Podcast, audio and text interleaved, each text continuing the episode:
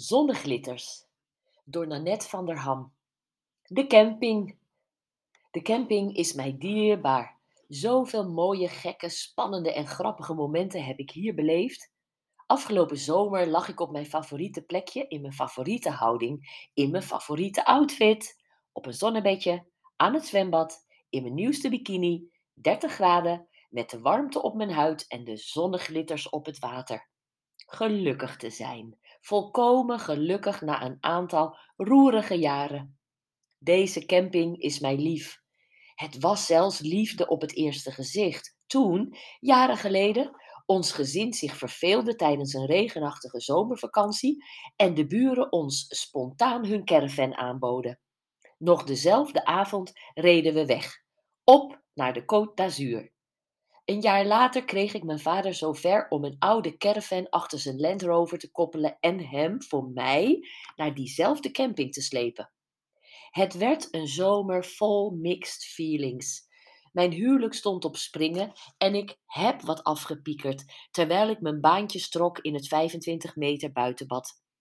Weer een zomer later streek ik er, nieuwbakken vrijgezel, en trots dat ik in mijn up de hele Route de Soleil bedwongen had met tussenstops in Nancy, Dijon, Avignon en Arles, neer met mijn twee kinderen. En ondanks dat ik een vreemde gescheiden eend in de gezinnetjesbijt was, hadden we weer de vakantie van ons leven.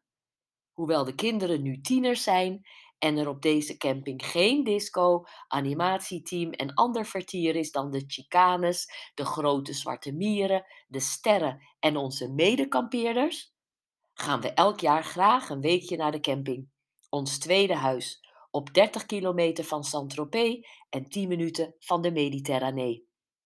Elke keer dat ik er kom en me nestel op mijn lichtbed, reflecteer ik het jaar dat achter mij ligt. En wat er ook veranderde, op de camping verandert er nooit iets. De nieuwe schrijversprijs 2007. Mijn oog was erop gevallen en aan de rand van het zwembad besluit ik: het is tijd voor closure, voor het afsluiten van ruim tien jaar op zoek zijn. Voor het oog van de wereld transformeerde het, zoals een vriendin zei, brave libellenmoedertje in een vrije, sexy viva-vrouw. En inmiddels weet ik, je mag niet generaliseren, want niets is wat het lijkt. Ik heb de weg gevonden die ik bewandelen wil. Die weg beloop je met mij in deze podcastserie Zonneglitters. Veel luisterplezier. Hartelijke groet, Nanette.